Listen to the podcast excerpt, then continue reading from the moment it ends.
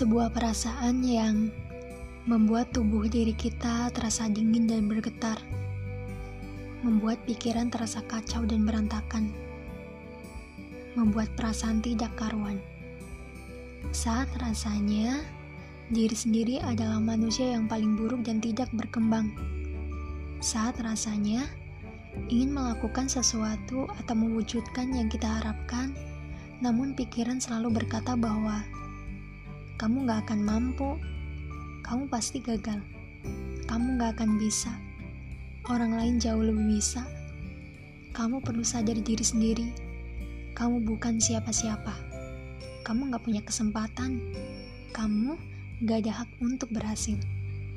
Seolah pernyataan-pernyataan itu menghantui seluruh tubuh yang membuat diri kita sendiri tidak pernah mampu untuk memulai, tidak pernah mampu untuk berusaha lebih keras mencoba.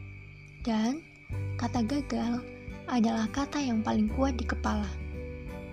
Sebuah perasaan yang semakin dilawan akan semakin kuat, semakin ingin lari tapi merasa dikejar, semakin ingin dihilangkan namun menjadi lebih jelas. Sehingga tidak ada hal lain selain menerima, tidak ada hal lain selain berdialog dengan diri sendiri.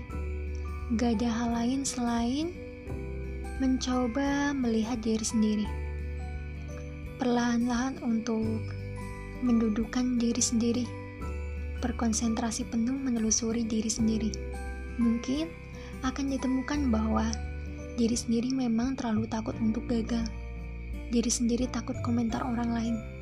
Diri sendiri memang tidak cukup berani untuk memulai. Dialog-dialog itu akan membawa kita ke proses menghargai diri sendiri karena sudah saatnya untuk berhenti dulu memikirkan orang lain. Karena ketika kita nanti jatuh lebih dalam, kita akan merasa lebih terkutuk. Kalau kita jatuh lebih dalam, kita akan merasa lebih gak enak kalau harus merepotkan orang lain. Sebab, gak ada orang yang sepenuhnya mengerti diri kita sendiri. Oleh sebab itu, fokus dulu sama diri kita sendiri.